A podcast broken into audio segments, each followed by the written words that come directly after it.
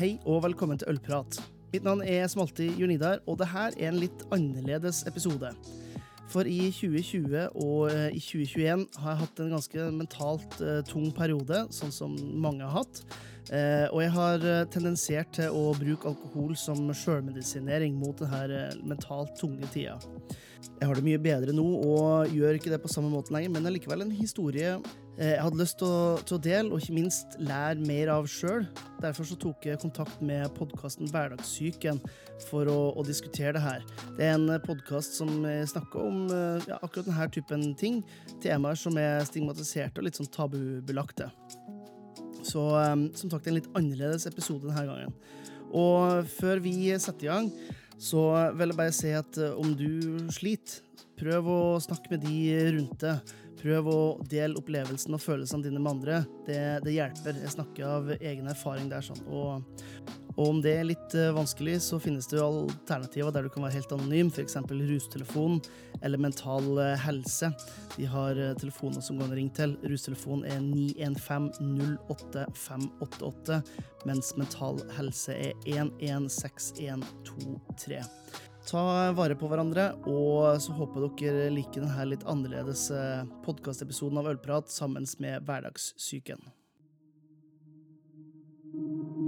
Jeg vil bare at du skal vite hvordan jeg har Det det. er ikke noe enkel historie å stå fram og fortelle. Angst er kroppen som sier fra om noe. Dette er Hverdagssyken, podkasten hvor vi sammen med gjester, både eksperter og vanlige folk, tar for oss de tabubelagte temaene og mental helse i hverdagen.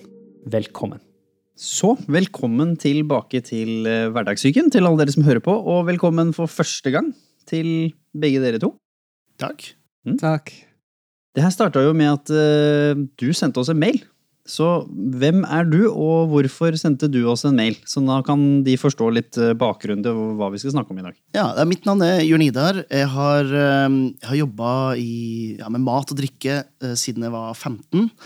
Og de siste årene har jeg, de siste ti årene så har jeg jobba med, med alkohol, da, hovedsakelig øl.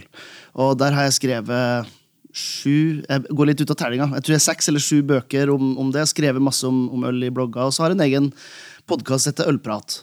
Og i forbindelse med det her så delte jeg en historie med et, eh, med et par individer. Med at eh, det har vært litt sånn, en litt sånn tung periode. Eh, og så fikk jeg en sånn bekreftende eh, tilbakemelding fra folk som ikke kjenner, om at de kunne kjenne seg igjen i det.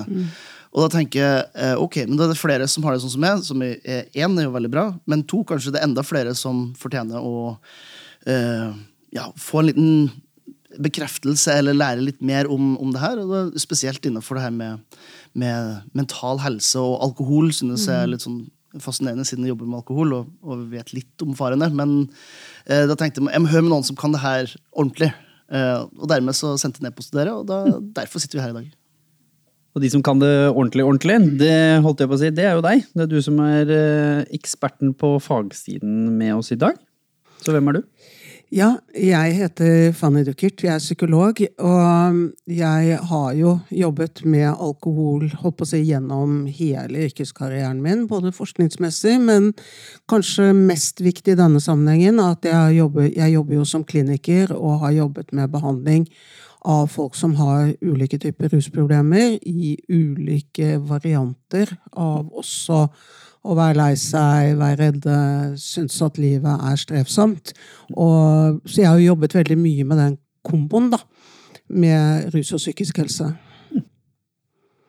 Og da har jo alle skjønt at det vi skal snakke om, det er jo da det å kanskje ha det vanskelig generelt i livet, og hvor da alkohol blir en vi kaller det nå en mestringsstrategi med negative konsekvenser, kaller vi det så fint nå.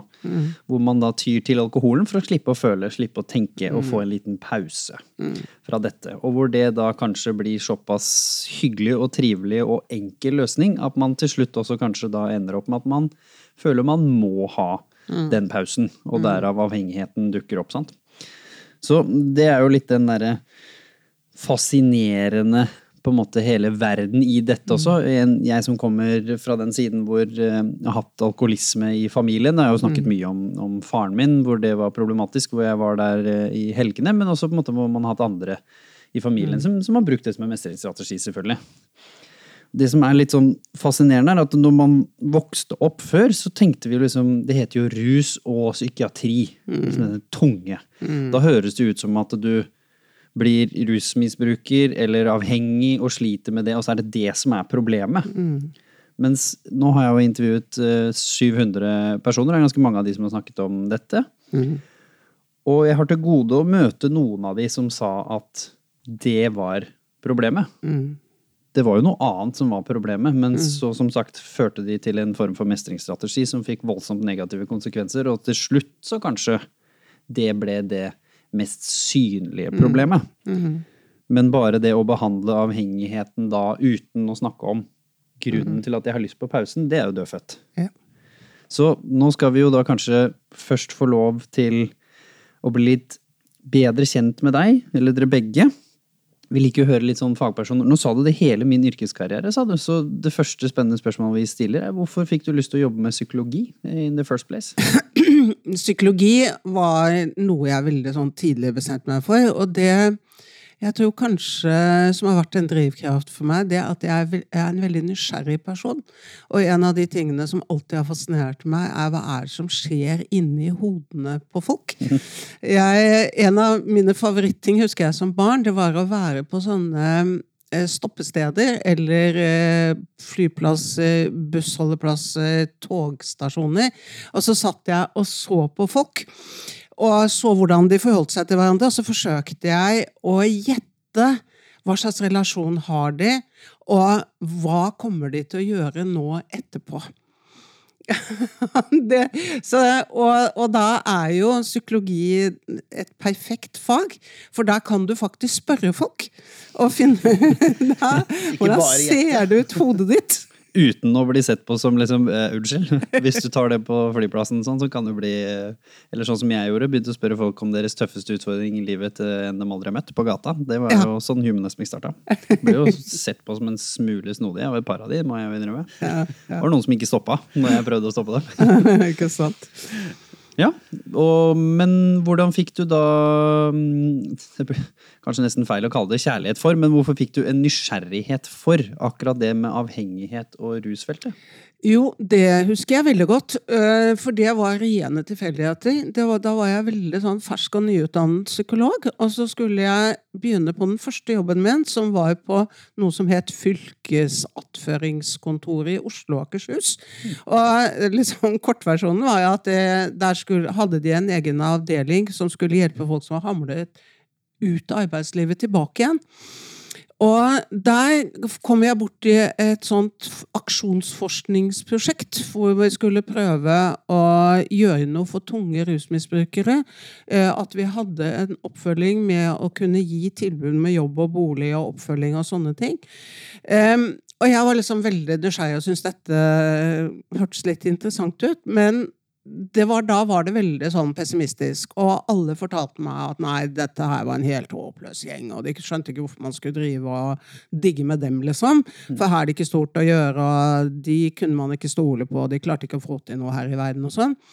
Mens eh, for meg så var det litt sånn, ok, men hvis det ikke går an å gjøre noe, da må vi i hvert fall prøve å finne ut hvorfor ikke det, liksom. Og så kastet vi oss uti og jeg hadde med meg noen litt sånne unge entusiaster.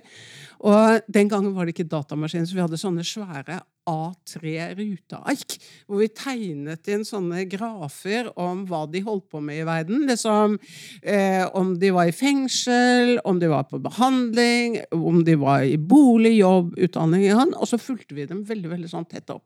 Og det som var fantastisk, var å se at i løpet av de tre årene vi holdt på, så skjedde det dramatiske endringer. Disse gutta begynte å legge om stilen. De ruste seg mindre, de drev mindre med kriminalitet.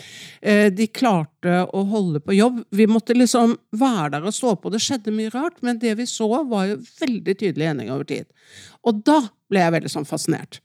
Og pluss at det var en eh, morsom, interessant gjeng. Det var jo ikke mye A4-liv de hadde. Skulle si det er ikke kjedelig. Nei, ikke kjedelig. Og kjempevariasjonsspillere. Det oppdaget jeg jo veldig tidlig, at de var jo så utrolig forskjellige.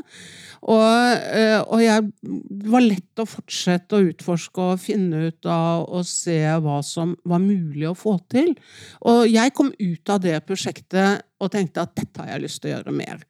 Og dette har jeg lyst til å finne mer ut av. Og det var da jeg begynte med sånn systematisk forskning. Jeg fikk mulighet til å reise til utlandet, besøkte andre typer behandlingsopplegg, og begynte sånn å utvikle den der modellen som jeg etter hvert har blitt kjent for å holde på med, da. Hva heter den? Den heter Hva skal vi si? Altså, poenget eh, med den modellen er tidlig intervensjon. Eh, at eh, det jeg er blitt mer og mer overbevist om, er at det er ingen vits å sitte der og vente til folk har virkelig havnet i grøfta. At du kan gjøre veldig mye ved å komme inn tidlig. Så har den et annet element som det er mange veier inn i russeproblemet, og det er flere veier ut. Og så kommer den tingen som liksom har vært mest kontroversiell, at jeg sier det at det å bli fullstendig tøllagt er én av flere muligheter. Altså for noen greit nok, men det er slett ikke det som er det allmenngyldige, at det er den eneste måten å håndtere et rusproblem på. Og da kommer vi til det siste, før vi skal bli litt kjent med Jørn Idar. Det er jo hva er avhengighet, ifølge deg?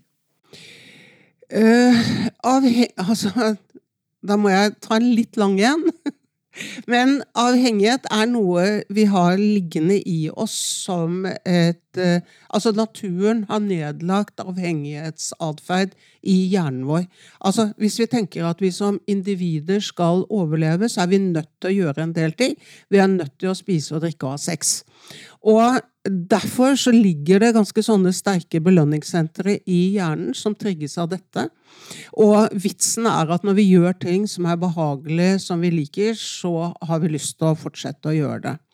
Og det som er det interessante, er at vi har masse varianter av avhengigheter som vi holder på med. Eh, det kan være spise godteri, det kan være at vi må jogge hele tiden, det kan være at du ikke vil gjøre noe annet enn å jobbe. Altså, vi finner det igjen. Eh, og det som er interessant, er at de samme belønningssentrene i hjernen de kan trigges av kjemiske stoffer. Og det har vi, eh, og det har fulgt oss så lenge vi har hatt sivilisasjoner, så har rusen vært der som en del. Og det litt mest kontroversielle er at man jeg leste nettopp en bok som het 'Drunkenness', som tar, sier noe om at kanskje den kjemiske rusen var med å gjøre oss til siviliserte mennesker at vi hadde det i vi, Dette var noe som førte til grupper, positiv samhandling. Det gjorde noe med tilstanden vår, at vi ble roligere, mer åpne, mer sosiale, og at vi dermed kunne gjøre en del av de tingene som er nødvendig for oss kompliserte mennesker, nemlig prososial atferd i grupper. Så, så, jeg tenker for meg er avhengighet liksom noe en del av vår menneskelighet. Og så fins det flere varianter, og, og, selvfølgelig at noe av det som er det skumle med avhengighet, er eh, mengdedoseringen. Og har, hvor mye skal man drive på med det, og hva har man lov til å ta ut i rusen? Og der har alle kulturer og sivilisasjoner regler, ambivalens, og, og at det ligger noen sånne gråsoner med hvor mye kan man slippe løs, og hvor mye vil samfunnet ha kontroll på det. Så da burde man vel heller kanskje, i form av vi snakker om psykisk helse, da, så burde man heller kanskje snakke om sånn som man gjør med de fleste andre diagnoser, som er når går det utover livskvaliteten til personen på et så mm. graverende område at ja. det nå av på en måte de fleste fagpersoner vil være ansett som, som problematisk. Så det er jo mer at ja. du kan jo leve med angst. Jeg har ADHD, kan leve fint mm. med det, men på et eller annet tidspunkt mm. så kan det skli over et felt hvor det går veldig ja. negativt utover min livskvalitet. Ja, og, og, for meg er liksom, det er et problem når det skader din fysiske eller psykiske helse eller relasjonene dine til andre mennesker. Det er litt sånn kort. Og potensielt andre rundt seg, ikke sant? Ja. Hvor, ja, hvor, alkohol ofte er forbundet kanskje med, med, litt vold og litt sånne type ja, ting som kanskje man ikke ville ha gjort hvis, mm. man, hvis man, ikke hadde vært påvirket. Mm. Men vi må jo få høre hvem du er, altså. I tillegg, nå hørte vi litt i stad, jobbet med mat siden du var 15. Hvorfor mm. eh, begynte du med det? Det er, det er liksom vanskelig å vite, egentlig, men jeg har alltid vært fascinert av smak. egentlig. Så eh, Det sånn første sånn smaksminnet har jeg lærte meg å lage rabarbragrøt når jeg var seks år. Var bare grøt, faktisk. ja, det, det tror jeg ikke jeg har spist på 25 år. Ja, det kan jeg anbefale. altså. Det, det er fortsatt like godt nå. Eh, Så det er på en måte min sånn start innenfor for smak. Um, Men så ble jeg jeg nerda litt på det. da. Så jeg fikk jo mine foreldre til å kjøpe mine første to flasker med vin når jeg var 16. Jeg drakk dem ikke når jeg var 16. Jeg skulle lagre dem fram til jeg var 18. Fordi det hadde jeg lest i en bok, at eh, hvis du lagrer vin over litt tid, så vil det utvikle seg, og den her australske produsenten var helt nydelig tur, akkurat det. Um, så liksom, det, det begynte der, da. Så, um, så gikk jo min eh, utdannelse innen uh, restaurant- og matfag. da, Så ble jeg kokk først, og servitør. Så jeg jobba i, i restaurantbransjen som vel strengt tatt ikke har den, den sunneste tilnærminga til, eh, til alkohol. kan man vel, kan Det begynner vel kanskje først og fremst med arbeidstiden. Altså jeg var jo, jobba jo på kjøkkenet sjøl en stund og hadde en liten drøm om å bli kokk. Og grunnen til at jeg på en måte bare konkluderte med at det ikke var mulig for meg, det var jo nummer én. Jeg er litt for høy til kjøkkenbenker og sånn. Men nummer to, det var jo arbeidstidene. Altså at man Du kom veldig seint på. Jeg er et veldig A-menneske, så på en måte det bare ble for kompleks for meg. Og så veldig mye stress, da. Og jeg har hatt overbevegelig ledd, så det er klart at den type stress hadde nok eh, ødelagt meg mer enn jeg klarte uansett. Men så det er jo det- det som kanskje gjør at det er mye alkohol, og selvfølgelig lett tilgang, da. Ja, det, det er veldig lett, eh, lett tilgang, og så er det, det Det blir litt sånn Det er en sånn Kjøkkenet er et, et perfekt sted for de som egentlig ikke passer helt inn. Det er en sånn band of misfits som, som finnes sammen på et, uh, på et kjøkken. For man, man deler de samme erfaringene og opplevelsene. Uh, ja, det er mye stress, og man jobber 17. mai og nyttårsaften og egentlig alle de gangene alle andre har fri, men, men man har noen andre å være med og man bruker altså i hermetegn uh, elendigheten med. da. Eh, og da samles man gjerne rundt eh, leirbålet med en, eh, med en et eller annet vin eller øl eller hva måtte være som er eh, ja, det man foretrekker. da. Men eh, jeg gikk ut av den, eh, den bransjen når jeg flytta til Oslo for tolv år siden. Og da begynte jeg å jobbe på, på Vinmopolet Etter å ha fått kontaktallergi mot fisk og skalldyr, som er det jeg har spesialisert meg på da, i ti år. Ehm, og man tenker Hvis man er på Vinmonopolet, så har man veldig lett tilgang til alkohol. Eh, jeg har aldri drukket så lite alkohol som når jeg jobba i Vinmonopolet. Eh, de har, for det første har det, det er veldig profesjonelt, så det alltid spyttes. Men da, da, da skjønte jeg at det, det virkelig smakene som er som jeg syns er, er gøy. Jeg skal, jeg skal spørre det jeg om det litt senere. Men, men, eh, men det gikk liksom fra et, et vanlig norsk konsum til ganske godt under gjennomsnittet. Men jeg smakte jo altså I løpet av en uke kunne jeg jo fort smake 40-50 viner, men jeg drakk aldri 40 eller 50 viner. Så, så gikk jeg inn i privat sektor eh, for tolv år siden. Og der har jeg egentlig vært siden, med import og eh, salg, og nå jobber jeg med en eh, nettbutikk for, for øl. Og skrevet bøker som på ved siden av. Ja, jeg har gjort ganske mye. Jeg er en sånn fyr som Hvis jeg først gjør noe, så gjør jeg sinnssykt mye av det. Så jeg satt jo i styret for Norsk Hjemmebryggerforening og ja, på seks eller sju bøker. Jeg mister litt sånn tellinga på, på det. Eh, Alt om øl, da. Eh, Så det, det, det har vært mye av det opp igjennom, da. du Trygt si. Men så er vi jo her også litt på grunn av din historie, og denne tøffe tørnen, som du sa. Mm. Kan ikke du dele med oss når, når merka du at den starta? For det er jo gjerne kanskje ikke der en fagperson ville sagt at den starta, men når merka du at noe var på en måte at, at du selv sleit, da? Mm. Jeg, kan jo si det sånn uten å gå for mye i detalj på, på privatlivet. Så jeg har en kronisk syk kone, eh, og så har jeg to barn. Så det har liksom alltid Det har alltid vært mye da, siden vi fikk uh, min førstefødte. da. Så det har alltid vært mye som kommer på meg. Så en arbeidsfordeling som ligger på eh, 90% på meg. da. Eh, men en av de tingene som gjorde meg til en god kokk, for eksempel, var jo det at jeg har en, jeg har en veldig stor kapasitet. Eh, jeg kan, det er liksom den ene lille superkraften jeg har. Det er at jeg kan jobbe, jeg kan jobbe mye, jeg har en god kapasitet. Eh, og det har egentlig gått greit da, de første ni-ti årene. Uh, og kombinerte selvfølgelig med å, med å brygge øl, ha, ha alkohol veldig veldig lett tilgjengelig. Um, eh, eh, min kone har vært litt mer sånn påpasselig på det og vært litt sånn uh, ja, og Sette opp et par sånne røde flagg innimellom, for hun har historie tidligere i familien sin med, med rus. Uh, og så kom jo det her herlige mars 2020, eh, og da gikk altså arbeidsmengden min opp med familien ekstremt mye. For da var det hjemmeskole, da var det liksom, fikk du ikke disse pausene som, som samfunnet tilbydde, egentlig, som en del av den vanlige rutinen. Nettopp. Eh, Så eh, Og ikke skal være forsiktig og ikke si noe negativt med familien om familien. De er ikke her for å forsvare seg. Men eh, 24 timer i døgnet i månedsvis i strekken, det er litt mye. Eh, Jeg tror ikke noen familier ville sagt noe annet enn det. Jeg tror ikke det er noe problem å si det uten at man eh, kaster noen under bussen. Det, jo, det handler jo bare om tid. Det, er, det går jo ikke opp. Og du har vel ikke utdanning som lærer i tillegg, regner jeg med? nei, det har jeg ikke. Så når du plutselig måtte bli det i tillegg, så kan jeg se for meg at det var eh, utfordrende nok i seg selv. Bare det. Ja, det, litt, det blir litt mye når du da først skal være lærer i fem timer, og så skal man jobbe de vanlige åtte timene. Um, og så Første gang jeg, jeg tenkte bare at uh, det her var en litt annen måte å gjøre tingene på. Uh, det var når jeg begynte å time whiskeflaska uh, i forhold til lønninga. Ehm, og jeg, ser det jeg gjorde, var at jeg fikk lønn, og så kjøpte jeg en flaske med whisky. Og den var tom dagen før jeg fikk ny lønn.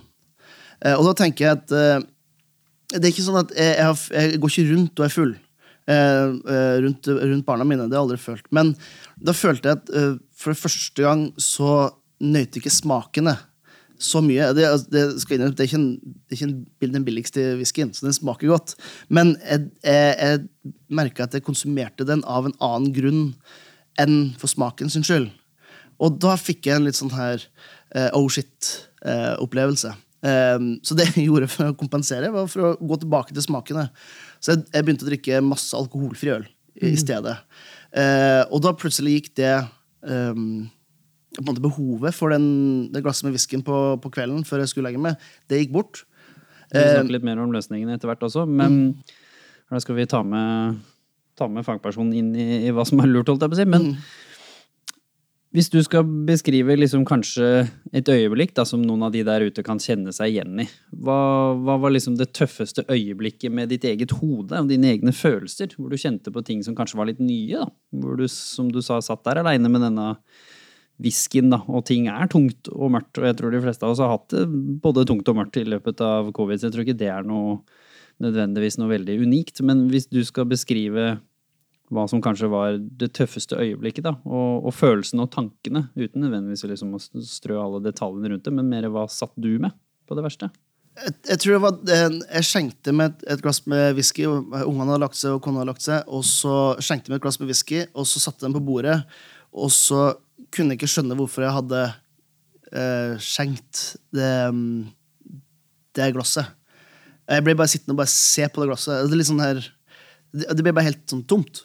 Eh, litt sånn småskuffa eh, over meg sjøl, og du kjenner og litt lyst til å gråte, men du har egentlig ikke lyst til det heller. Og så kjenner du sånn strømning i kroppen som bare av tomhet. da. Um, og det at jeg, ikke skjønte, jeg skjønte ikke hvorfor. Jeg hadde bare gjort det automatisk. da. Og da, da, da ble jeg Hva var det du ble skuffa over? Sånn, Nei, at jeg hadde uh, At jeg helt klart søkt etter rusen, og ikke etter smakene, som på en måte hadde definert meg da i så lang tid.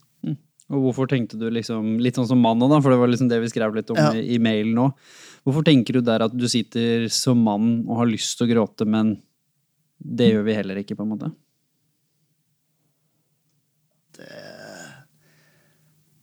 Jeg vet, jeg vet faktisk ikke. Fordi at jeg, jeg er ganske Jeg velger å tro at jeg er ganske sånn følelsesmessig. Jeg er ikke så, så redd for å vise det. Men skammen som var knytta med at jeg hadde valgt rus, jeg tror det var på en måte Jeg, jeg skjønte at det var så gærent at jeg ba meg sjøl om å skjerpe meg. da. Det litt vanskelig å, å forklare, merker jeg. Nei, nei, Men det går, det går fint. Det er det nok for alle. Det er jo litt av sjarmen. Men hva var ditt forhold til rus før dette her? For det har du på en måte ikke snakket om. Fordi som du sier, du, du var skuffa nå om at du søkte rusen, for du var jo smakens mann. Så du var jo kanskje den som var inn i dette av helt andre årsaker enn, en, hvis vi kan kalle det mange andre, da, som søker pausen sin her. Så hva var egentlig ditt syn på rus? Hvis du, for nå regner jeg med det har endra seg nå etter dette her, så hvis vi liksom skal ta der hvor du kanskje var litt stigmatisert og kanskje litt sånn bokserende, da. Hva var det du så på de som skjenkte automatisk whiskyen, da? Hvordan så du litt på de før dette? jeg, har ikke, eh, jeg, jeg velger å tro at jeg har ikke dømt noen egentlig siden jeg begynte å jobbe i, i restaurantbransjen. Fordi at det er så mange Den ene tingen som man ikke vet, hva er det som ligger bak. Eh, så jeg har prøvd å være flink til å ikke dømme akkurat på det.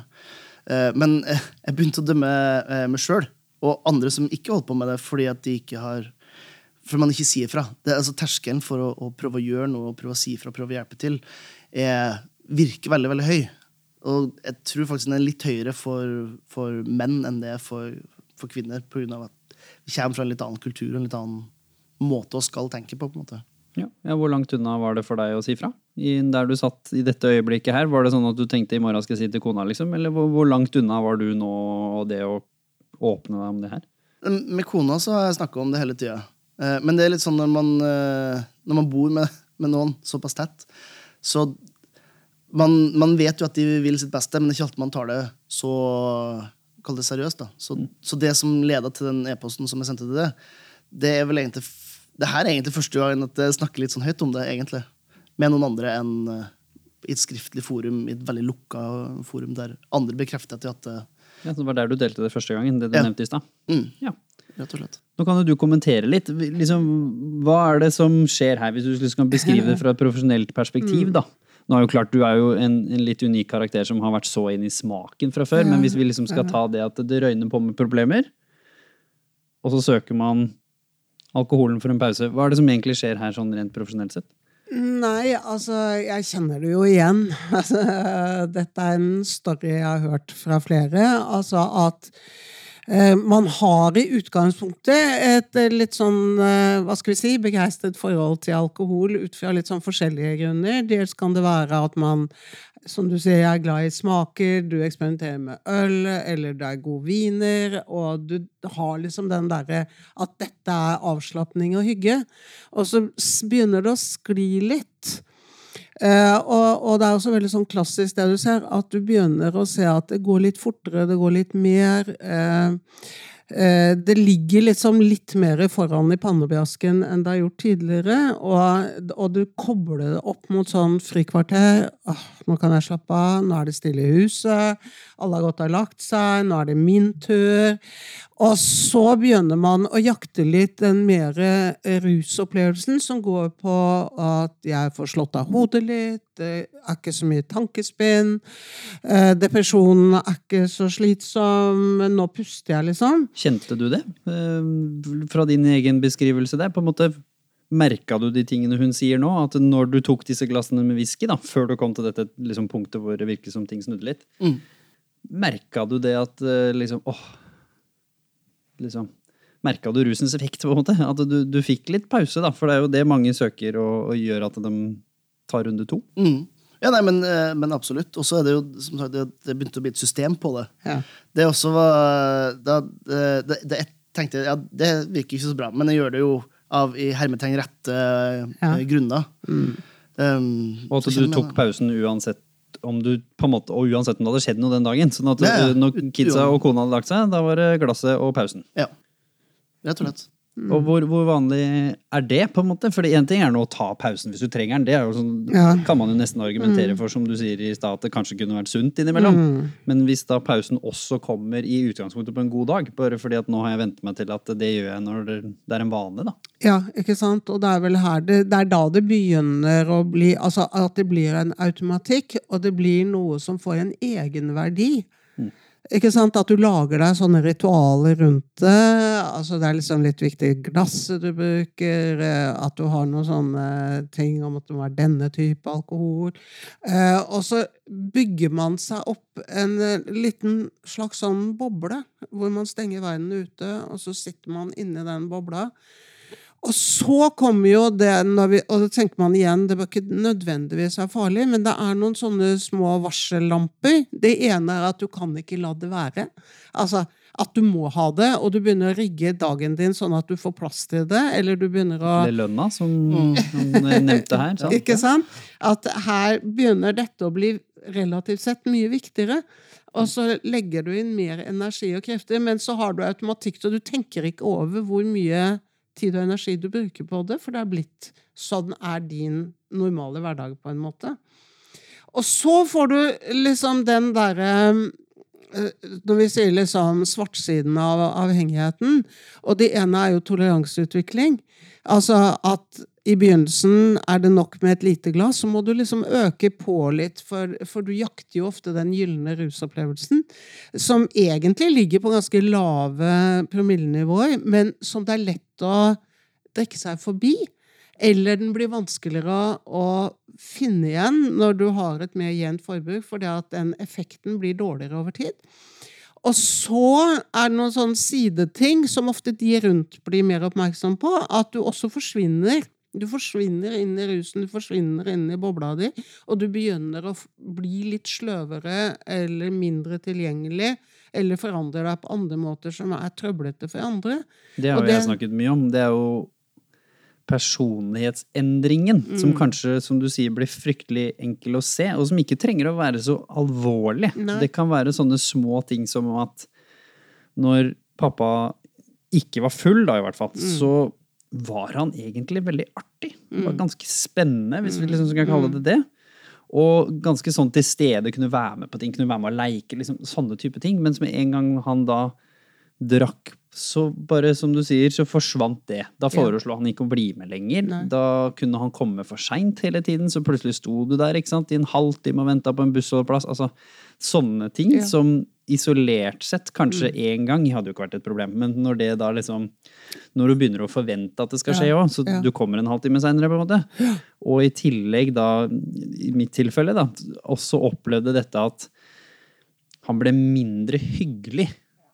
Ikke i, i liksom det slemme og de tinga, de kom Nei. etter hvert, men i starten så handla det om bare mindre hyggelig. Litt krassere i tonen, litt mindre tilstedeværende, litt mindre sånn kjærlig. Det begynner jo gjerne der, før det blir Ja, og du andre vet, ting. dette har noe med rusens effekt på hjernen, da, vet du. Fordi at noe av det rusen gjør, er jo at den reduserer følsomheten din for det utenfor deg.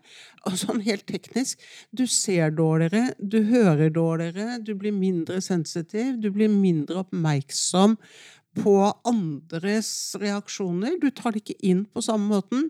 Mens det du får, er at du åpner opp inn til deg selv. Sånn at det du føler og opplever, blir mye mer intenst og sterkt. Og der får du også en effekt som en del har. Det er at sånn til daglig så er du kanskje ikke flink nok til å passe på deg selv. Du setter ikke ordentlige grenser. Du uh, kan se at ting ikke er sånn som du helt vil, men du gjør ikke noe med det. Du sier Ta på noe. maska og går som Ja. vi nordmenn er så gode på. Ja.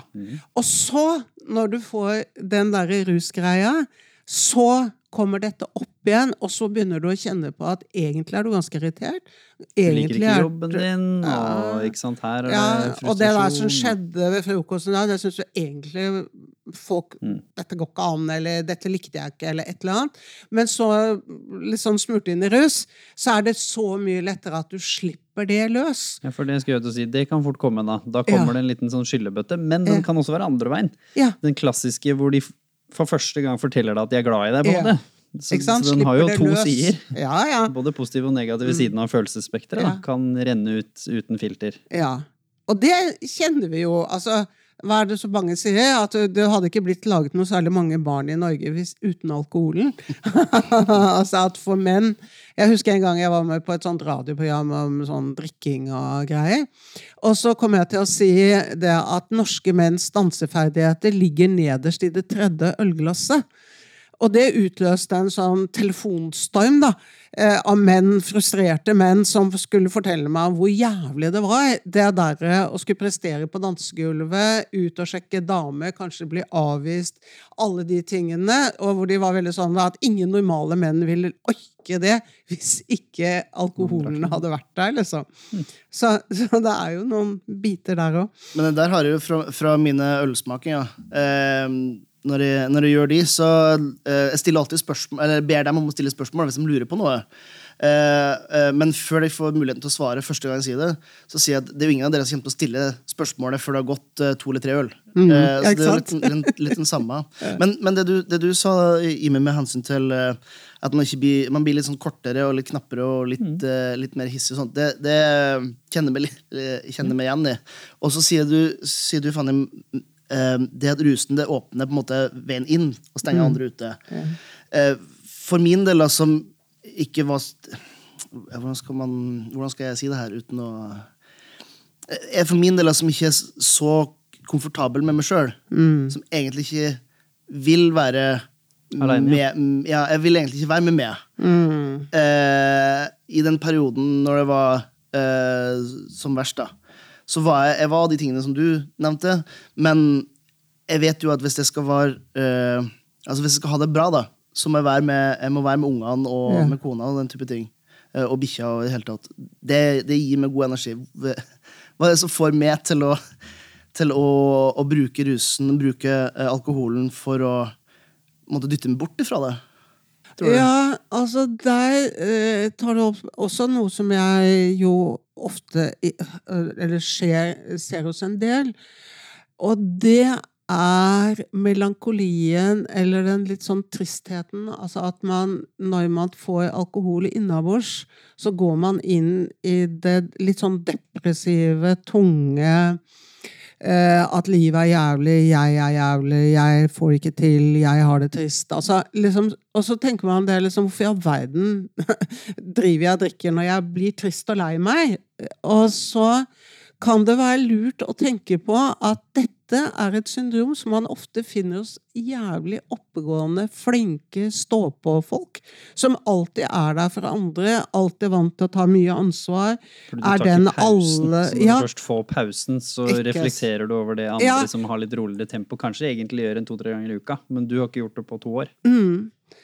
Og da eh, kan man si at den derre litt sånn, jeg kaller det den litt depressive timeouten, hvor du slipper taket og slutter å være så jævlig oppegående flink og sterk, og lar deg skli ned en, på et annet nivå hvor du ikke gjør alle de bra, ordentlige tingene som du vet du egentlig kan, og som du gjør kanskje litt for mye. Og det er jo en sånn ting jeg jobber med i terapien. Det er ah, ah, hvor god er du egentlig til å ta vare på deg selv? Hvor mye Og du liker ikke å være med deg selv. ja, Kjenner meg igjen der. ja. Det er mange som sier det, som Ja. en liten sånn unnskyldning òg, kanskje. ikke sant? For hvorfor ikke vi reflekterer litt, da. Mm. Og sitter litt for oss selv og tenker over sånn Hva har egentlig skjedd det siste halve året? Hvordan ble den siste boka mottatt? Var den kanskje litt bedre enn den forrige? ikke sant? Og så bare den der å liksom stryke seg selv litt, det har jeg aldri gjort. ikke sant? Det veldig sjelden. Da skal det virkelig store ting til, og litt sånn Da må jeg være litt i ubalanse, på en måte, hvor jeg plutselig skal få lov å glede meg litt over noe. Fordi jeg er jo mer opptatt av hva skal jeg gjøre neste gang? Det er jo mer spennende enn hva andre tenker om det jeg gjorde i går. Det er ikke så relevant for meg, egentlig. Det er mer eh, hva kan jeg skape for noe mer? Men også den andre biten som du var litt inne på, da, som, som er at jeg har jo sagt hele tiden, jobba mye med trening og kost og sånn, at vi mennesker er ekstremt fascinerende selvdestruktive. Det må jo være noe i hjernen vår også som, som Vi vet hva som er bra, som du sier. Du vet at det å være med barna, det å være med kona, det å være med hunden, det er positivt. Men det kan du ikke gjøre. Fordi da kommer liksom den der rare med at du ikke fortjener det, du vet det, men terskelen plutselig blir høyere, og så kommer det sånne tulletanker med ja, men liker de å være med meg, da? Er jeg bare med de fordi de gir meg noe? Så kommer det så masse sånne snåle tanker når man plutselig da får tid til å tenke over det, da, som du kanskje kan få med denne ruspausen, hvor du faller ned i det litt mer melankolske, så istedenfor å se på det som et fra et sånt positivt, meditativt, reflektivt stadie, så ser du det også fra et litt sånn jeg er ikke så bra menneskestadie. Er det noe i det? Ja, og så er det jo en annen dypt menneskelig dimensjon som vi toucher oppå her, borti her, og det er at vi, vi mennesker har en tendens til å la være å gjøre det som er bra for oss. Um, jeg husker en gang um, så jobbet jeg litt for Opplysningskontoret for frukt og grønt. Eh, og det som vi vet, er at nordmenn spiser altfor lite frukt og grønt. Og så har det også, Men hvis du tar sånne vanlige spørreundersøkelser, så vet alle f.eks. hva sex om dagen er. og Alle vet hva er sunt og ikke sunt og frukt og grønt. Informasjonen er høy. Eh, og så husker jeg, så Det nyttet ikke å spørre folk, men det vi gjorde, var at vi gjorde en sånn undersøkelse hvor vi var på supermarkedet. Og så eh, spurte vi folk om handlekurvene deres. Og det som var ganske morsomt, var at sånn, vi prøvde oss sånn først på hverdager, og da var handlekurvene fulle av frossenpizza og fiskekaker og eh, stort sett ikke noe særlig frukt og grønt i det hele tatt. Og så spurte vi liksom ok, er dette vanlig? og Hvorfor har du akkurat kjøpt de tingene du har kjøpt? og sånn, Så sier folk ja, nei, det, nå, dette er hverdag, og det er så eh, travelt og stressende, så nå må alt Vi må bare kjøre på sånn hurtigting så vi klarer å få kabalen til å gå opp, liksom. Og vi sa ok, fint. Og så gikk vi tilbake igjen på sånn fredag-lørdag og sjekket handlekurvene. Og så på frukt. Det var ikke så mye mer frukt og grønt, men til gjengjeld høylige mengder av frossenpizzaer og pølser og sånn. For nå er man jo så sliten når man kommer Ja, til helgen. så og i helgene så skal vi kose oss. Ja, Og det er ikke frukt og grønt. Så, så det er liksom noe veldig allmennmenneskelig. Vi vet dette med vonde rygger. Vi vet for eksempel, som er en kjempe folkehelseproblem, Der har du meg. Og vi vet at 90% av de vonde ryggene kunne vært forebygget hvis alle var bevisste hvordan de satt og sto når de jobbet, og gjorde Øvelser fem minutter øvelse hver dag. Men det gjør vi ikke. Det gjør vi ikke. Og så er det jo selvfølgelig noe inne i bildet her som også handler Mm. litt om pris, plassering i butikk og avhengighet, som du var inne på i stad. Det er jo ikke sånn at produsentene ikke er klar over det. De Mm. som har laget godteri og putter sukker oppi der. Så snakk om avhengighet. Det kan vi ha en egen episode om. Ja. Men det er jo visse ting her også som er jo Mm. skapt for at du skal feile også. Så det er nå én ting at vi først og fremst er litt sånn satt opp til å feile i vårt eget uh, liv, men det er jo også virkelig samfunnet rundt bygget for at vi skal feile i vårt eget liv. Og hvis du snakker om da at man har hatt en tøff uke, da, så blir det jo Det er jo fredagspils på jobben. Det er Kompisgjengen skal se fotballkampen. Det, er liksom For å stereotype litt nå, da. Når man skal gå ut og spise en god middag, så da blir det litt vin. For man liker jo smaken. Man må jo ha et glass vin til maten. Og så er jo også lagt opp noen feller hvis du ikke klarer å stå i de utfordringene du har. Så hvis du står i de utfordringene du har, og covid ikke er her, og livet til Jørn Idar er bra, så er jo ikke det noe problem. For da nyter du smakene. Da, da, da ble det to vin, glass vin, og så var vi ferdig. Mens den uka, eller måneden, eller halvåret, når du klyper, da ble det fire glass vin. Og så ble det fem øl på fredagspilsen. Og så i tillegg som var whiskyglasset. Og det er jo da problemet kommer, som du sa, når liksom mengden på en måte skaleres på alle de sosiale arenaene som, som du må være med, eller som fair of missing out. Og i tillegg så har du den på kvelden, som kommer som ditt friminutt. Fordi fredagsprilsen er jo ikke et friminutt. Det er jo et uh, jungelshow av de sjeldne. Og det samme er jo gjerne denne fine middagen, når du har det vanskelig. Og i hvert fall festen, hvis vi skal ta med julebordet og festen og det vi skal inn i nå. Det er jo i hvert fall ikke noe friminutt. Det er jo da igjen eh, prestasjon. Ja, og det, det som, som på en måte skremte meg for min del Jeg har en litt mer sånn kall det kontinental måte å tenke på Ja. alkoholkonsum. Nordmenn drikker fredag og lørdag. Uh, og det, det, det er da majoriteten av nordmenn drikker mest. Uh, men jeg vil, heller, jeg vil heller ha seks øl i løpet av seks dager istedenfor uh, seks øl på en fredag. Uh, men det som var så fascinerende, var Kall det hvor lite som skulle til sånn rent psykisk for at det her det gikk plutselig veldig for mye. At Istedenfor at det var én hver dag, så var det kanskje to hver dag. Og da går det fra seks til tolv. Eh, og så en whisky på toppen. Og det, altså, antall enheter går så fort. Men jeg skulle si, hva kan man gjøre for, for, for å unngå at man går så lett altså, For det er jo bare én til, ikke sant? Men det er jo én til, og så det hver dag. Eh, Du ligger jo svarer litt på spørsmål. men Du kan først, før du skal fordele litt uh, mer hva som er løsningen. Hva var det du gjorde? For det var du inne på i stad. Så du kom til dette punktet hvor du var sånn Oi. Jeg som er så glad i smak, sitter nå og drikker og har tømt et glass som jeg ikke vet hvorfor jeg har tømt oppi engang. Hva gjorde du etter det? Uh, jeg snakka med kona om det. Uh, og så delte som sagt det der uh, Dette forumet? Ja, i det forumet. Uh, Hva fant du der? Hva nei, skjedde? jeg fant jo noen som eh, kunne kjenne seg igjen i at ja, det hadde, det hadde vært langt nede, og de også holder på med alkohol. Og det er sånn Ok, hva kan jeg gjøre med det? Og litt sånn Dere har vært inne på Dere har egentlig beskrevet med litt nå de siste 20 minuttene, sånn som jeg opplever meg sjøl, i hvert fall. Eh, og istedenfor å gjøre det som kona foreslo, som sa bare du må jo bare dra til en psykolog, så tenkte jeg bare ja, men jeg kan heller ta så spørre om jeg kan komme på en, en en, Podcast. eh, en podkast, og så kanskje hjelpe noen andre. Så sånn hjelp, hjelp til sjølhjelp, eh, kanskje. Men, men den umiddelbare var jo bare å, å, å gå, prøve å gå tilbake til sånn som det var. Det fokuset som var på, på smak, og så gå bort ifra det som var, var rus. Og alkoholfri øl, som du sa. Ja. Mm. Eh, og gå for det, vi, vi litt, eller Du snakka litt om at du Og det fins flere måter å, å på en måte, kalle det roe rus. Det er, ikke alt, det er ikke alltid at det passer for alle å ikke ha noen form for rus. Og da tenkte jeg at det, det er lettere for min del å fortsatt konsumere et produkt som ligner på det med rusen, men ta bort det som er rusen. Uh, og det har endra seg Når det kommer til alkoholfrie produkter, så det endra seg enormt de siste fem-ti årene. Så jeg kan jo Så som en smakselsker, så kan du si at de har blitt bedre på smak. Ja, ja for, for det som alkoholfri øl tidligere har jo vært en, en nødvendighet. Det var de- Munkholm, det var den ene. Ja, og det, det, er liksom, det er nødvendighet for en restaurant å ha det på for at de, loven krever det. Men nå kan du faktisk ha det for at det smaker godt.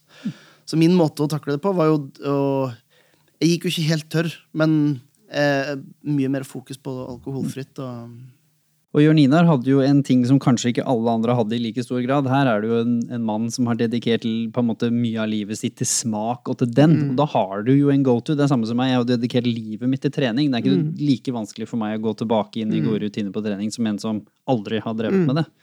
Så hvordan er dette for vanlige folk? Hva kan de gjøre? Ja, altså jeg tenker altså at man må inn i en bitte liten prosess. Av det første er jo en bevisstgjøring.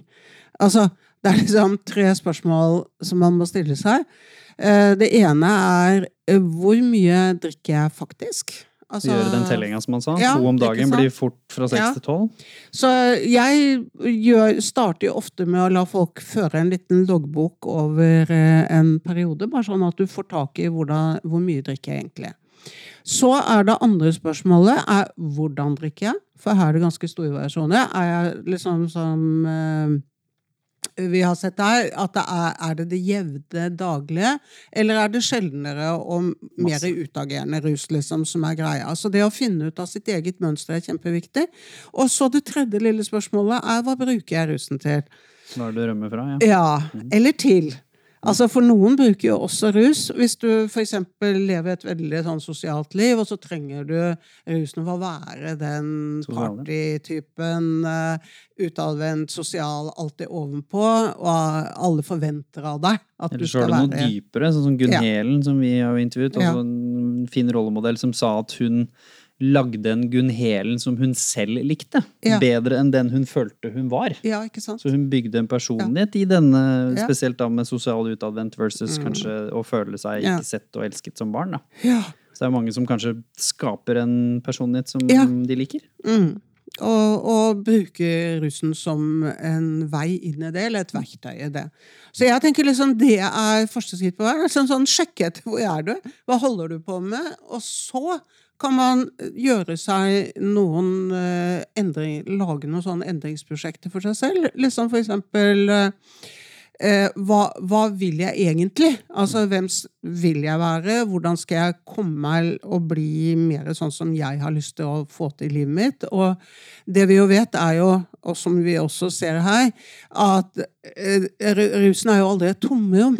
Altså, den er altså koblet opp mot resten av livet, og da tenker jeg at hvis du skal gjøre noe med det, så må du gjøre noe sånn direkte knyttet opp mot rusvanene og med rusmønsteret ditt, men du må også se etter med resten av livet ditt. Hvilke andre grep må jeg gjøre for å få dette her til i praksis? For det er jo det jeg sa i stad, at det er da vi ofte De vi har intervjuet, Mm. som er jo alle sammen som har funnet en løsning på det, enten til et mer fornuftig Mm. forhold til det, eller at man har fjernet en, en utagerende Mm. avhengighet, så har jo det handlet om at de rydda opp i det som lå under. Ja. Og så til slutt trengte de ikke det. Mm. Whiskyglasset eller den narkotikaen eller det Ja. som de hadde oppi dette her, da. Mm. Selv om jeg ofte tenker at eh, tingene henger sammen, så man må ha et bevisst blikk på selve rusmønsteret sitt også. Det gjorde de jo. For å, kunne, du må jo, for å Ja. håndtere det under, så må Mm. du jo også få roa Ja.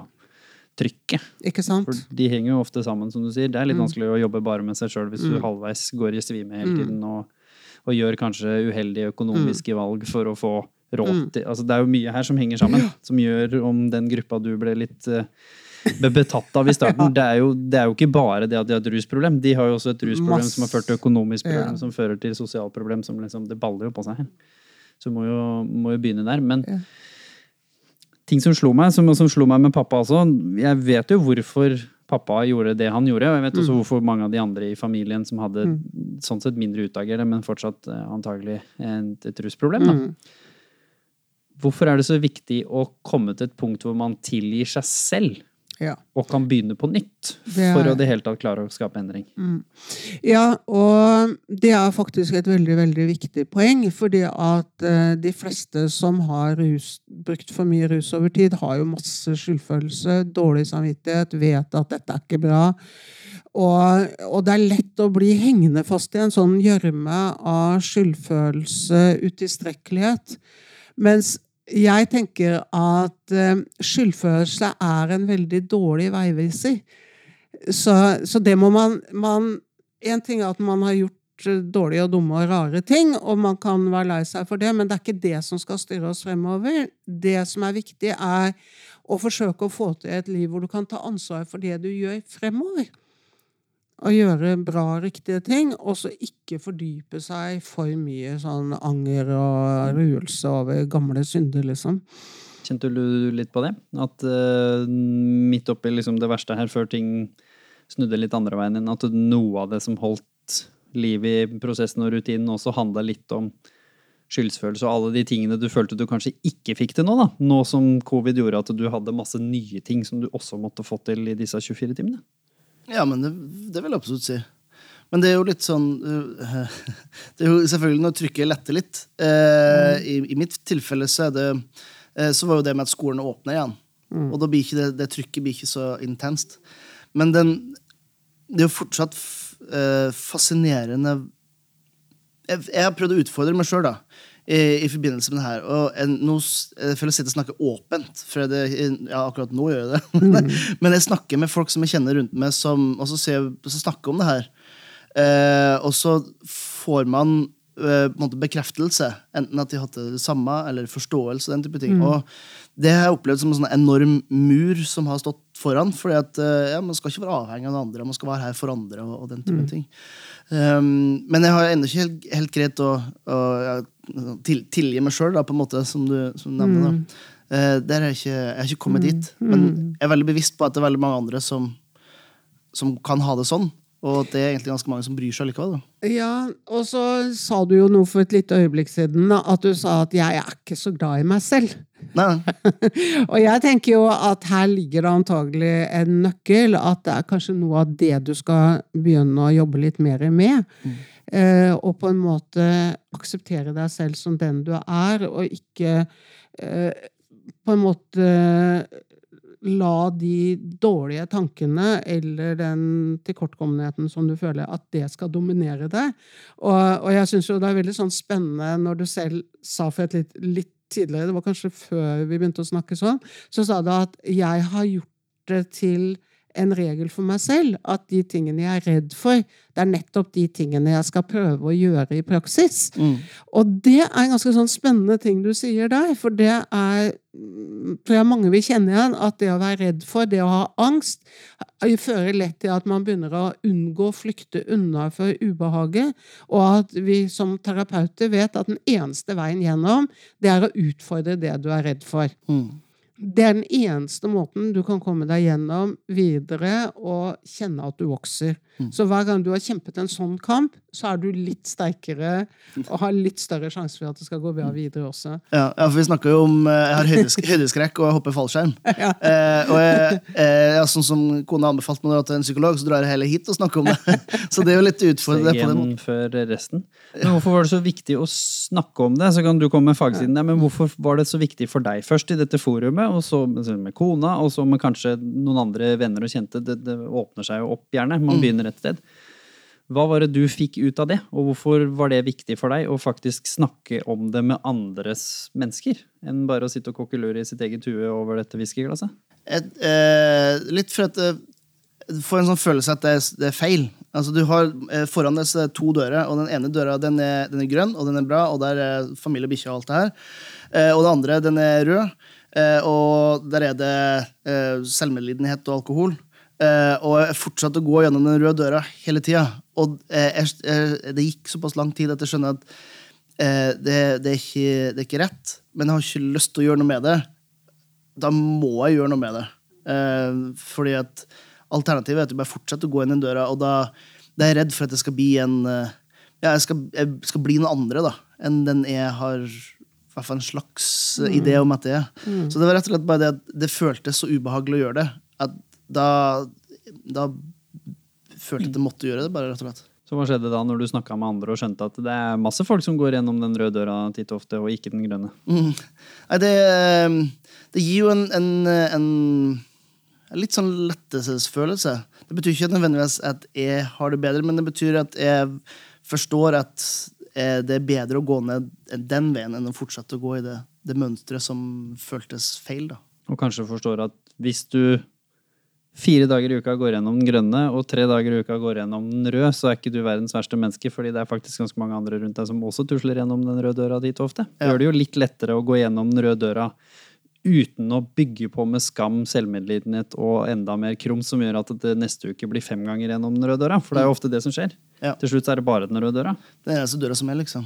Og det hadde ikke, jeg hadde ikke lyst til det. Ja, Hvorfor eh, fagmessig sett er det så viktig å snakke også? Én ting er nå å gå til en fagperson. Men du sa i stad tidlig intervensjon. Så veldig mange som sitter og hører på nå, per definisjon trenger ikke å komme til en fagperson helt enda. Men hvorfor er det så viktig for dem at de må si det til folk rundt seg, eller i et forum, eller kanskje helst begge deler? Altså, jeg tenker jo at det å være åpen om også de sidene ved seg selv som man ikke er så veldig stolt av, altså alt det man strever med Altså at hvis i det øyeblikk du begynner å dele det med andre, eller sjekke ut med andre, så vil du oppdage én, at du er ikke den eneste. Altså at det er mye mer vanlig enn du tror. Eh, og at eh, det betyr ikke at du ikke er en ålreit person. Altså det, liksom at man dropper litt jakten på det perfekte fasaden og, og blir et helt menneske. At det i seg selv er en bra ting, og at sjansene er veldig store for at andre vil synes at det er ålreit at du gjør det, og at man kan få da litt sånn støtte til å justere på seg. Det som selvfølgelig er litt sånn skummelt med det, og det er jo fordi at fortsatt er det jo masse sånn myter og fordommer innenfor dette med rus. Og, og faren er at liksom du blir plutselig får sånn alkoholikerstempel, eller at du plutselig blir forstøvet. Det er jo mange redd for òg, som Ja. kanskje gjør at folk ikke ville turt å sagt Mm. da, fordi det er jo en gammel myte i mitt hode at Ja. drikker du hver dag, så er du alkoholiker Ja. uansett hvor mye, ikke sant? Ikke sant? Så da ville man kanskje vært forsiktig med å Mm. sagt om at du drakk Mm. et glass whisky hver dag, da, selv om om det var lite, fordi du er redd for at ja, men da er du alkoholiker. Ja. Og det er jo litt sånn svart-hvitt, ikke sant, Ja, som du sier. Veldig. Og det som er viktig å huske på, at alkoholiker er ikke en diagnose. Altså, det fins ikke Vi bruker den ikke. Den er på folkemunne og innenfor visse sånne ideologiske tilnærminger som A og sånn. Men problemet med det er at den det alkoholikeruniformen gjør at du må gi fra deg din normale identitet, og så må du iføre det var en jeg ikke kjente meg Eller den jeg ikke I hvert fall den jeg tror jeg er. Ideen om hvem jeg ja, vil være. Ja, ikke sant? Og da blir du per def, så blir du en litt sånn defekt person. Altså, du blir av litt dårligere kaliber, du er liksom, da er du løgnaktig, og du skjønner ikke selv, og du er ikke i stand til å gjøre noen forandringer eller ta ansvar for deg selv, så da må du godta at andre definerer deg, andre bestemmer for deg, andre sier hva du skal gjøre og ikke gjøre, og det er en veldig eh, trang eh, dress å skulle passe inn i, og, og det går også ofte veldig sånn på akkorden med din egen integritet. Og jeg tenker at noe av frykten er den derre å bli puttet i den båsen der. Og, og jeg er jo helt enig, for jeg tenker at det er veldig, veldig destruktivt. Så Og jeg, jeg kan jo også skyte inn at eh, en ting er også at man åpner seg for andre. Uh, men hadde det ikke vært for at andre hadde åpnet seg til meg, og på en måte bekrefta Mm. hvor jeg var hen, uh, og bekrefta at de kunne kjenne seg igjen i, i noe, så hadde jo Jeg hadde ikke sittet her. Vi hadde ikke hatt den, den, Mm. Nei, den praten ja. her. Så det at, eh, at noen uoppfordra kom til meg og bekrefta at de var på en måte i Ikke samme båten, men en båt som er på sida. Mm. Ja, den ja. er ganske lik. Så, så hadde jo ikke det, det Mm. her skjedd, og da hadde jeg heller ikke fått den, den tankegangen som Og så har man jo noen å drodde med. Så hvis det da liksom blir fristende å gå gjennom den røde døra Det er jo en grunn til at noen av disse programmene har gjerne en fadder. Som Mm. er da at hvis du er i ferd med å gå gjennom den røde døra, så har du noen du kan ringe som ikke dømmer deg. Mm. Som kan si du, nå sitter jeg her. Jeg har eh, den i den ene hånda, den i den andre. Hjelp meg å på en måte enten skjenke Mm. Ja, ja. litt mindre i glasset, eller på en måte gå og legge meg ved siden av kona mi, som jeg er glad i. da. Mm. Som, som er jo også en fin ting med å ha Ja. folk rundt deg Ja, som da. ikke stapper deg ned i denne trange dressen. Ja. Bare fordi du innrømmer at du hadde en dårlig dag. Mm. For du er jo ikke nødvendigvis en som er avhengig fordi du har en dårlig dag eller en dårlig uke, eller at covid kom. Altså, Den kom nå for oss alle, på en måte. Mm. Ja. Så det er en veldig fin måte å Ja. avslutte det på også. Men hvis vi sånn helt til slutt da, skal avslutte med Nå står jo du litt sånn inne i prosessen. Du har kommet ut av den biten som på en måte virket som var i ferd med å kunne bli en avhengighet, men du står nå fortsatt i prosessen av å ta tak i ting som et menneske. Det tror jeg vi alle gjør. Men hvis du skulle komme med et godt råd til noen som sitter der nå og er tidlig i stadiet her, som, som per definisjon kan begynne å nøste opp i ting sjøl. Med alt det du vet nå, og fikk med deg fra episoden, hva skulle du ønske du gjorde for eh, et år siden, da? At Det er et veldig godt spørsmål. Altså det, det som overrasker meg, var hvor kort vei det var fra å være ha normalt konsum, som ses, så det, til at det bikker over. Eh, og være mer bevisst på det, og enda mer bevisst på hvor mange andre som egentlig er i den samme, samme båten, uten at man, man vet det. Så det det, jeg var- veldig glad at jeg etter hvert skjønte at jeg måtte konfrontere den ubehageligheten som var der. Eh, og så skulle jeg kanskje ønske at jeg hadde gjort det enda tidligere. da. Ja, hva har du å si til folk der ute som sitter og føler på dette her? Hva tenker du kan være et godt eh, tips, et par tips som du tenker de kan begynne med, da? Ja, altså Det ene er jo litt sånn å se på deg selv med åpne øyne. Eh, Så er det å bruke det du kan om andre ganger. Du har klart å forandre på ting som har vært nyttig. eh, Og lage deg et lite sånn endringsprosjekt. Eh, Og gjerne ta det litt sånn i etapper. Altså at du bestemmer deg for eksempel at det kan være lurt å ikke drikke hver dag, eller at eh, du legger inn en liten sånn hvit luke for å få litt sånn roet hodet ditt og sånn. Og så er det viktig å huske på er, Jeg sammenligner litt sånn med å drive brannøvelser. Altså, det er litt sånn seint når det er full flamme rundt deg, så det som ofte er smart, er å lage deg et lite handlingsprogram og noen sånne tiltak på hvordan unngå den høyrisikodrikkingen som ikke er noe bra for deg, og det bør du ha en plan for litt i forkant, for jo nærmere alkoholen du er, jo vanskeligere er det å velge den bort. Så det å ha en handlingsplan eh, som liksom er litt sånn tydelig når er det hva er forbudt, liksom når er det type drikking jeg ikke skal gjøre, hva slags type drikking er ok, eh, litt sånn hvor mye er greit, og gjerne også litt sånn å tenke på ukebasis, eh, liksom at jeg ikke skal over en viss mengde.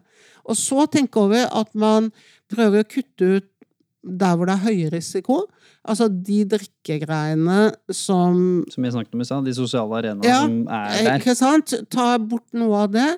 Og så er det noe med å lage litt sånn balanse i hode og kropp. Altså at du trenger andre måter å avreagere på, andre måter å få litt sånn adrenalinkick i hjernen. Kan være trening, kan være litt sånn Ja. spennende sportsting, kan være en utfordre seg på nye ting som du er litt redd for. Mhm. Eller at du begynner litt mer sånn systematisk. Det var bra for meg. Hva Ja. trenger jeg? Å gjøre mer av ålreite ting. Som, og det kan også være, bli litt flinkere til å be om det du faktisk trenger. For det tenker jeg mange menn heller ikke er så veldig gode på. Og si fra litt tidligere på ting du Ja. kanskje ikke er Ja. så fornøyd med. Kanskje Mm. ikke in the moment, for det er ikke nødvendigvis så fint, men kanskje rett etterpå. Så ikke Ja. det, du går og bærer på det helt Ja. fram til neste ølglass, på en måte. Mm. At det er først da du tør å si Mm. hva Mm. du bærer på av frustrasjoner. Da. Jeg kan gi et sånt eh, praktisk tips ute blant om det er kompisgjengen eller man skal ut. sånt. Eh, Hvis man kjøper alkoholfri øl, putter putt det i et glass. For da er det ingen Ja. som ser flaska, og da blir du heller ikke dømt. For da drikker du bare en, en øl, men det er alkoholfritt, og da er liksom det rusen tatt bort. Det har jeg begynt å gjøre Ja. veldig mye Ja. personlig. Og alkoholfritt øl er jo en gave. Altså, Mm. nå, når det er blitt så mye variasjon, så og mye vin og gode kombucha og alt mulig ting. Det har jo blitt Ja. så mye der ute da, Ja, som på en så måte kan kan, konsumeres på samme måte da, rundt et sosialt lag, så du ikke trenger å sitte isolert hjemme Mm. og føle at jeg tør ikke å gå på bar fordi der er min største fiende, på en måte. Ja, Mm. Og ikke minst til alle dere som står ved siden av da, som pårørende, så tenker jo jeg at det kan være veldig fint at huske at det som ofte får andre til å åpne seg, som du sa, det er å åpne seg litt selv. Så hvis du, jeg for eksempel, kunne jo fort bli sett på som den som var den ufeilbarlige, fordi jeg av mine tøffe opplevelser ikke valgte å drikke alkohol. Men jeg kunne jo være med å danse og gjøre andre ting også. Men da var vel kanskje jeg fort den siste du hadde gått til og åpnet deg. Så med en gang jeg også delte at jeg hadde de samme frustrasjonene, det var bare at jeg hadde andre mestringsstrategier på hvordan jeg håndterte de, så begynte til og med venner og bekjente av meg å tørre å dele litt mer av de tingene, fordi de var jo selvfølgelig redd for å bli dømt, for de tenkte at jeg var han som liksom var den første som kom til å dømme fordi jeg hadde de valgene jeg har, som også ofte er jo misforståelse, hvor Ja. vi tenker at uh, vi bare må snakke med de andre som er åtte glass ned i ølen, for de er det eneste som forstår. Det er ikke nødvendigvis riktig heller, fordi som vi sa, grunnen til at man søker den pausen, den er nok fascinerende lik på alle. Vi bare har forskjellige steder hvor vi søker denne pausen i livet, tenker jeg da. Tusen hjertelig takk til eh, begge to. Tusen hjertelig takk til alle sammen som hører på. Eh, Neste innspilling vi skal ha, handler om dyreassistert terapi. Så til alle dere som hører på nå, send inn eh, spørsmål til oss på, om det temaet, så skal vi forhåpentligvis eh, klare å stille de noen ekstra spørsmål også til eh, de gjestene der. Takk til alle sammen. Husk å dele episoden, for dette tror jeg det er veldig mange som står i. Så hvis du deler den, og gir de rundt deg muligheten til å kunne lære litt av dette, så tror jeg det vil være ekstra nyttig. Ha en eh, så god dag som mulig, folkens. Så snakkes vi.